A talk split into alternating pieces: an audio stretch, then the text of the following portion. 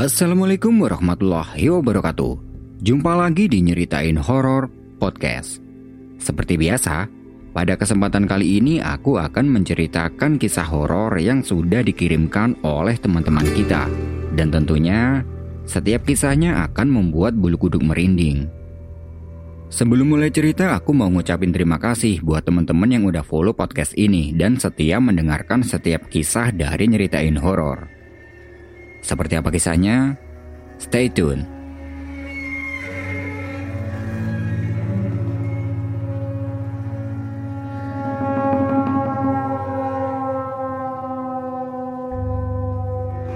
Awal cerita, waktu itu Elisa dihubungi oleh teman sekolahnya dulu.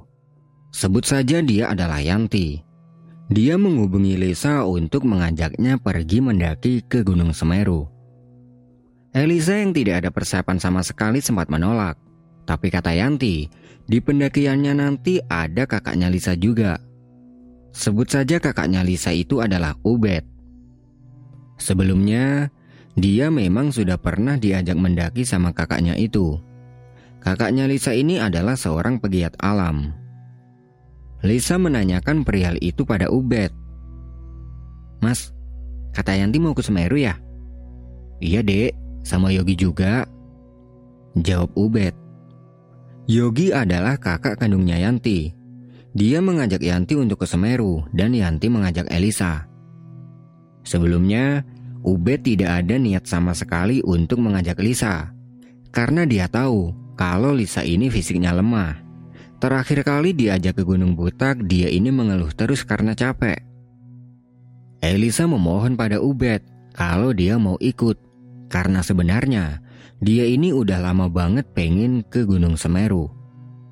Akhirnya, Ubed pun tidak bisa menolak. Dia minta pada Lisa agar olahraga dulu kalau mau ikut. Karena ini adalah Gunung Semeru. Apa pun bisa terjadi di sana. Singkat cerita, tibalah hari keberangkatan. Siang itu empat orang datang ke rumahnya Ubed untuk berkumpul dulu.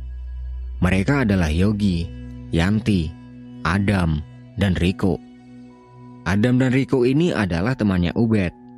Jadi, awalnya rencana pendakian ini akan dilakukan mereka berempat saja, yaitu Ubed, Yogi, Adam, dan Riko. Di rumahnya Ubed itu mereka mempacking peralatan. Setelah itu, mereka langsung berkendara menuju ke tempat tujuan. Setelah menempuh sekitar dua jam perjalanan motor, sampailah mereka di base camp Ranupani. Sesampai di sana, Ubed langsung mengurus perizinan ke pos dengan menyerahkan persyaratan yang sebelumnya sudah dia siapkan. Setelah itu, mereka diizinkan untuk mendaki hari ini juga. Mengingat hari ini sudah sore, mereka memutuskan untuk camp dulu di Ranupani dan berniat mulai pendakian ini besok pagi-pagi. Mereka mendirikan tenda di dekat pos pendakian, dan keesokan harinya, perjalanan dimulai sekitar jam 7 pagi. Di perjalanan itu tidak ada kendala apa pun, hingga sampai di Ranukumbolo sekitar jam 11 siang. Di sana mereka istirahat sebentar untuk makan siang, dan tepat jam 12 siang, perjalanan dilanjutkan menuju ke Kalimati, pos terakhir sebelum menggapai puncak Mahameru. Sampai di sini masih belum ada kendala apa pun. Mereka berjalan dengan sangat have fun. Tapi, sering kali Lisa minta berhenti karena kecapean. Ya maklumlah, Lisa ini fisiknya memang lemah. Jadi sebisa mungkin Ubed harus memperhatikan kondisinya. Setelah cukup lama berjalan, sampailah mereka di Kalimati sekitar pukul 5 sore. Di Kalimati itu terlihat cukup sepi pendaki, hanya ada beberapa saja. Karena memang waktu itu masih belum trennya mendaki. Pendakian ini di sekitaran tahun 2010-an. Dua tenda didirikan dengan posisi berhadapan dan di tengah-tengahnya dipasang flyset dengan tujuan untuk mereka masak nanti. Setelah tenda sudah berdiri, mereka membuat kopi di bawah flyset. Dan di situ, Ubed sudah bisa merasakan kalau Lisa ini pastinya tidak akan kuat kalau harus ke puncak. karena terlihat dari raut wajahnya yang sudah sangat payah. Dia sangat mengerti keadaan adiknya. Memang, di Kalimati itu Lisa sudah benar-benar payah. Dan sebenarnya, dia juga tidak ada niat untuk naik ke Mahameru. Meskipun puncak sudah terlihat jelas dari Kalimati. Semakin lama, suhu di Kalimati terasa semakin dingin. Ya wajar sih, karena pendakian mereka ini adalah pas musim kemarau. Dan musim kemarau itu adalah musim dingin-dinginnya di gunung. Karena perut sudah mulai lapar, mereka masak makanan. Dan saat itu Lisa mulai drop karena tidak tahan dengan suhu di tempat ini. Jadi, malam itu suhunya hampir minus, sangat dingin. Buat yang pernah ke Semeru pasti tahu kan dinginnya di Kalimati itu seperti apa. Lisa menutupi badannya dengan jaket dan sleeping bag. Tapi, itu tidak bisa membuat dirinya menjadi hangat. Dek, ini makan dulu. Ucap Ubed sambil memberikan satu piring nasi yang sudah matang. Enggak mas, aku udah kenyang. Jawab Lisa. Ubed memaksa Lisa agar tetap makan, walaupun tidak lapar. Karena dalam kondisi seperti ini sangat bahaya kalau perut sedang kosong. Jangan gitu dek, makan dikit aja biar perutmu nggak kosong. Ucap Ubed. Tapi tetap saja Lisa tidak mau, karena dia tidak merasa ada nafsu makan sama sekali. Beberapa kali Ubed berusaha membujuk Lisa agar mau makan, tapi tetap saja Lisa tidak mau. Akhirnya, Ubed minta pada Lisa agar makan roti saja, agar perutnya ini tidak kosong. Karena tidak mau kakaknya ini terus-menerus memaksa, Lisa iakan saja. Di bawah flashset mereka ngobrol-ngobrol, dan Ubed bilang ke yang lain. Eh, ntar kalau Lisa nggak kuat buat muncak, kalian muncak sendiri aja ya. Aku di sini aja jagain Lisa. Dia bicara seperti itu ke yang lain karena dia ini tahu kalau pastinya Lisa tidak akan kuat dan yang lain pun setuju. Semakin malam suhu di Kalimati terasa semakin dingin dan di sini Lisa sudah benar-benar tidak kuat. Dia pamit pada Ubed dan yang lain untuk istirahat dulu di dalam tenda. Sleeping bag dia selimutkan di seluruh badannya. Tapi tetap saja dingin ini terasa menusuk. Hingga akhirnya dia sudah mencapai batasnya. Seluruh tubuh terasa seperti ditusuk-tusuk jarum, dingin, dan mati rasa. Dia hanya bisa menggigil kedinginan. Menyadari itu, Ubed segera mendatangi Lisa ke dalam tenda. Dek, kamu kenapa dek? Tanya Ubed dengan panik, dan Lisa tidak bisa menjawab apa pun. Dia hanya menggigil kedinginan. Mas, Lisa kenapa mas? Tanya Yanti. Gak tahu, dia kedinginan hebat. Jawab Ubed dengan panik. Ubed coba menghangatkan badannya Lisa dengan beberapa kain yang mereka bawa. Tapi tetap saja Lisa ini menggigil. Wah, bahaya nih kalau sampai Lisa kena hipotermia. Batin Ubed. Yogi dan yang lain menghangatkan air di kompor dan dimasukkan ke dalam botol air mineral. Kemudian botol itu ditaruh di dekat badan Lisa. Sampai sekitar setengah jam, kondisi Lisa terus seperti itu. Dan mereka sudah panik tidak karuan. Karena mungkin suhu di tenda ini masih dingin, Ubed membawa Lisa ke bangunan shelter. Tapi alhasil tetap sama. Lalu, Ubed memeluk Lisa dengan erat agar lebih hangat. Dan ketika dipeluk itu, Badannya Lisa ini terasa seperti es, sangat dingin. Beberapa pendaki lain berdatangan ke shelter untuk melihat apa yang sedang terjadi. Ada apa, Mas? Teman kita kedinginan, Mas. Waduh, bahaya ini, Mas. Bisa-bisa kena hipotermia. Minta pertolongan ke tim SAR aja. Sebenarnya itu sudah terlintas di dalam pikiran mereka. Tapi mau menghubungi tim SAR bagaimana caranya? Sinyal HP tidak ada. Mau turun sekarang keburu keadaan Lisa semakin buruk. Sampai sekitar jam 10 malam, kondisi Lisa tetap seperti itu. Yang ada dalam pikirannya Lisa waktu itu hanya satu, yaitu mati di sini. Karena dia sudah tidak bisa berbuat apa-apa lagi selain menggigil. Jadi, kondisi Lisa ini masih sadar. Dia masih bisa mendengar orang-orang di sekitarnya. Tapi untuk ngomong dia tidak bisa, karena bibirnya terasa kaku. Dengan keadaan panik tidak karuan, Ubed memutuskan untuk membawa Lisa kembali turun ke Ranukumbolo dan besok pagi-pagi minta pertolongan ke bawah. Mereka yang lain segera mengemasi tendanya lagi. Kemudian Ubed mencari kayu dan dengan dua lapis sleeping bag yang sudah diikat pada sebatang kayu, dia menandu Lisa ke Ranukumbolo. Lisa ditandu Ubed dan Yogi berjalan turun dan karena kondisi mereka waktu itu sudah sangat kelelahan, jadi sebentar-sebentar mereka berhenti. Beberapa kali Adam dan Rico menawarkan dirinya untuk menggantikan Ubed menandu. Tapi Ubed tidak mau karena ini sudah menjadi tanggung jawabnya kepada adiknya. Mereka berhenti lagi untuk yang kesekian kalinya. Dan saat itu, Ubed melihat wajah Lisa semakin memucat. Bibirnya tidak ada hentinya menggigil kedinginan. Dik, tahan dulu ya. Sebentar lagi kita sampai di Ranukumbolo. Mas janji akan bawa kamu pulang. Ucap Ubed sambil nangis dan membersihkan debu yang menempel di wajah Lisa. Mendengar ucapan itu mereka semua yang lain merinding. Lalu Adam memegang pundaknya Ubed sambil berucap. Bro, sing sabar ya. Muka-muka Lisa esok kuat sampai sesok. Bro, sabar ya. Semoga Lisa masih bisa kuat sampai besok.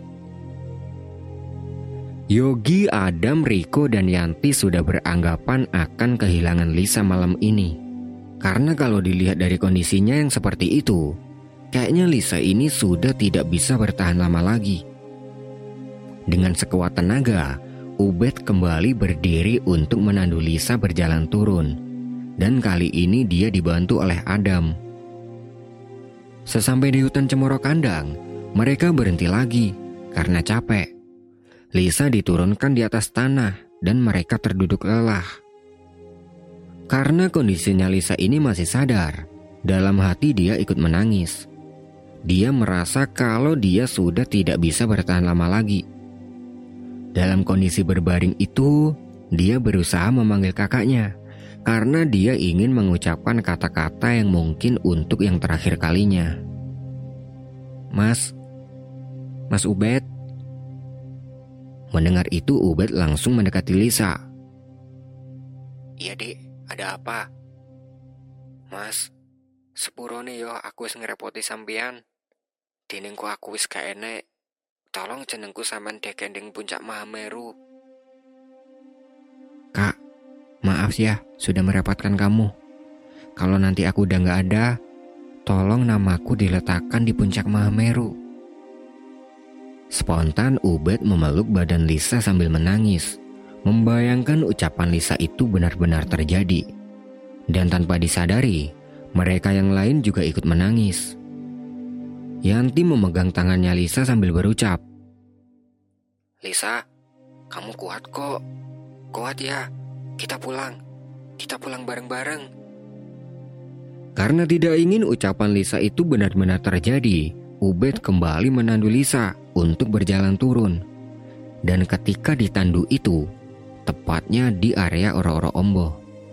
Lisa melihat di sekelilingnya mereka ini ada banyak sekali orang yang juga sedang berjalan beriringan. Orang-orang ini siapa? Perasaan tadi yang ada di sini cuma kita berenam aja.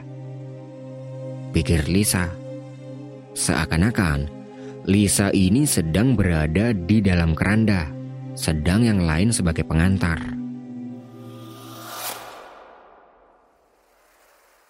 Dia melihatnya lagi, dan orang-orangnya ini terlihat sangat banyak. Kalau sempat menghitung, mungkin ada ratusan. Mereka semua terlihat aneh, seperti bukan manusia. Ada yang rambutnya panjang, ada yang kakinya panjang sebelah dan beraneka ragam. Lisa ingin tanya ke kakaknya, Tapi kondisinya waktu itu sudah tidak bisa berbuat apa-apa. Untuk bicara saja dia susah. Tidak lama kemudian, di atas terlihat ada sosok hitam yang sedang terbang. Tepat di atasnya. Lisa tercengang melihat sosok itu. Seakan-akan sosoknya ini ingin menerkam Lisa.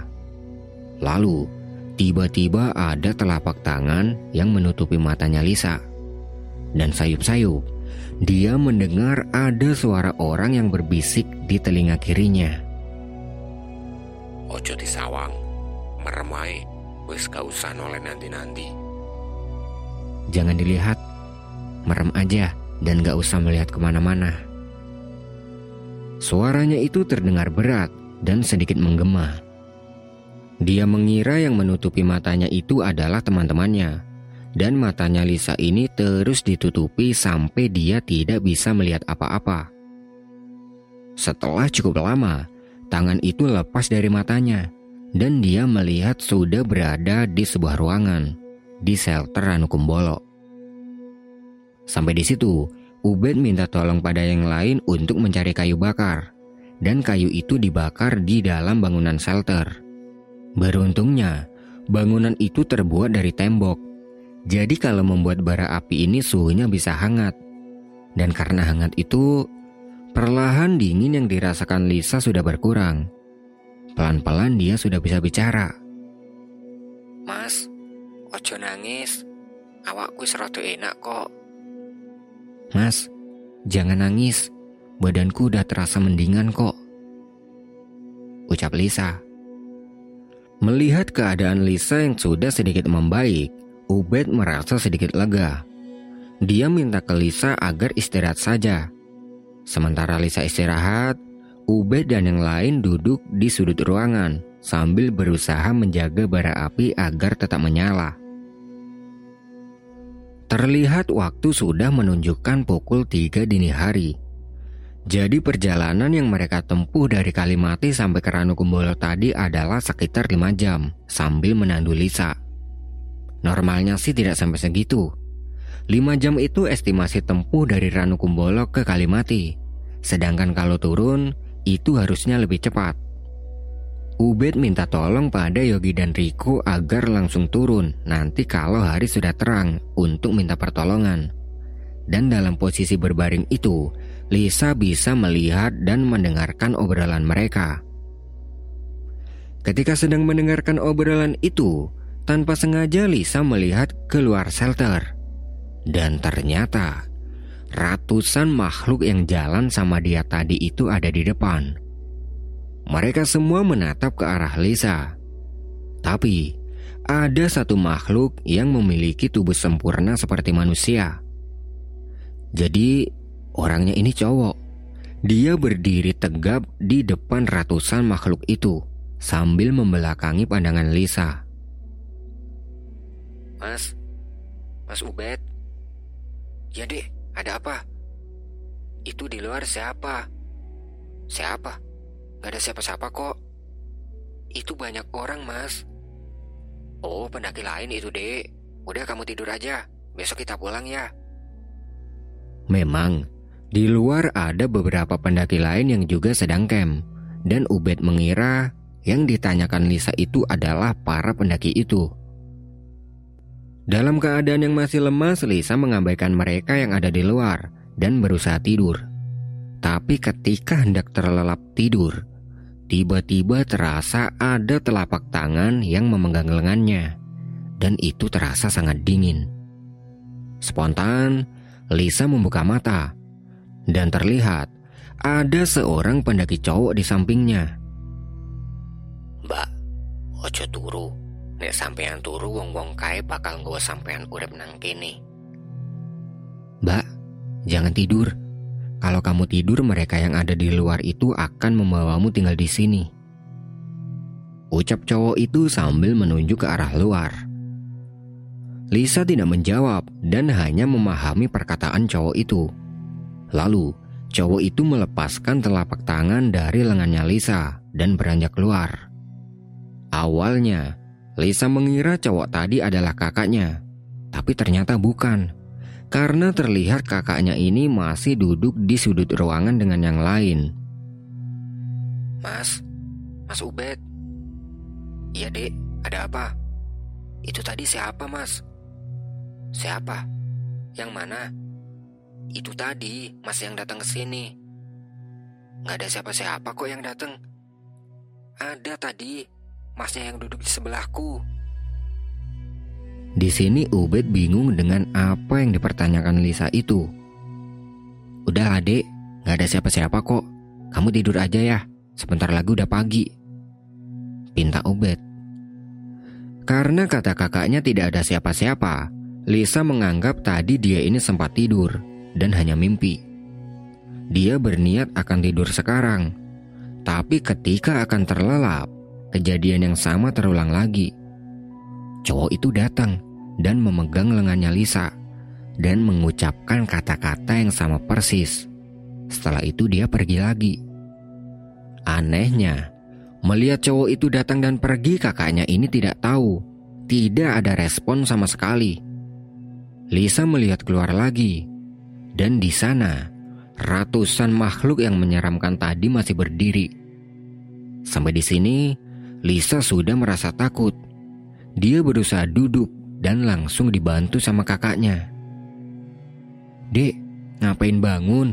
Udah kamu tidur aja, istirahat. Ucap Ubed sambil membantu Lisa duduk. Baru saja duduk, dia merasa pusing. Lalu terdengar suara menyeramkan dari luar.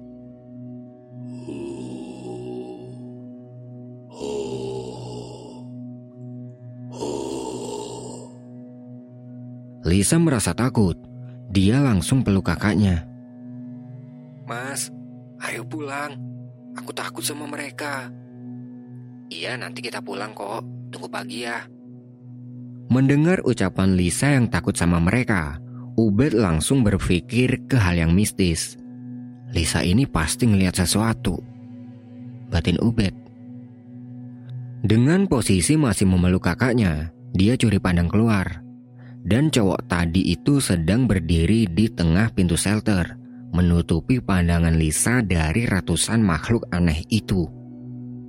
Jadi seakan-akan cowok itu tidak mengizinkan Lisa melihat makhluk aneh itu.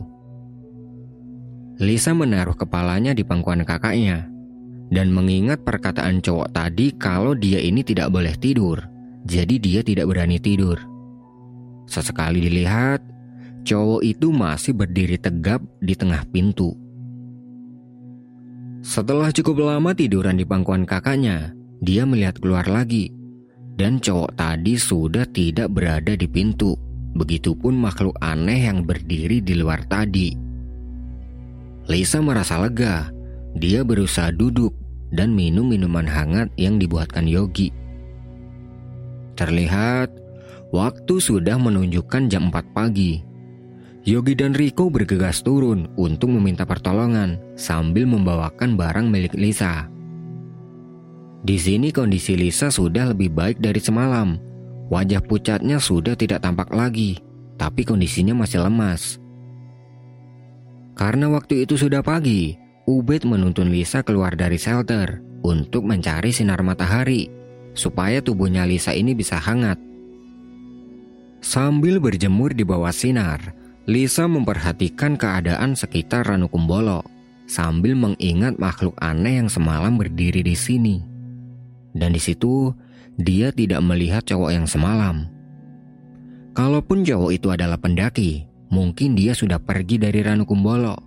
Dan kalau dia bukan pendaki, mungkin sekarang dia sudah kembali ke alamnya. Allahu a'lam. Sekitar jam 8 pagi tim penolong datang dan langsung menghampiri mereka ke shelter. Lisa ditandu tim penolong untuk turun dan diikuti Ubed sama yang lain. Sesampainya di Ranupani, Lisa langsung dibawa ke ruang kesehatan untuk diberi pengobatan. Tapi saat itu kondisi Lisa masih lemas. Akhirnya tim kesehatan memutuskan untuk mendatangkan ambulans Lisa ditemani kakaknya menuju ke puskesmas terdekat untuk mendapat pengobatan lebih lanjut. Sesampai di sana, Ubed menghubungi keluarganya dan Lisa langsung dirujuk ke rumah sakit daerah Malang untuk pemulihan. Beberapa hari setelah itu Lisa dinyatakan sembuh dan sudah bisa pulang. Kemudian, dia menceritakan kejadian di Ranukumbolo malam itu ke kakaknya dengan detail. Semenjak kejadian itu, Ubed sudah tidak mau lagi mengajak Lisa mendaki gunung karena takut kejadian serupa terjadi lagi pada dirinya. Meskipun sesekali, Lisa ini merajuk pengen ikut, katanya untuk yang terakhir kalinya. Dan pendakian ke Gunung Semeru itu sudah menjadi pendakian terakhir Elisa.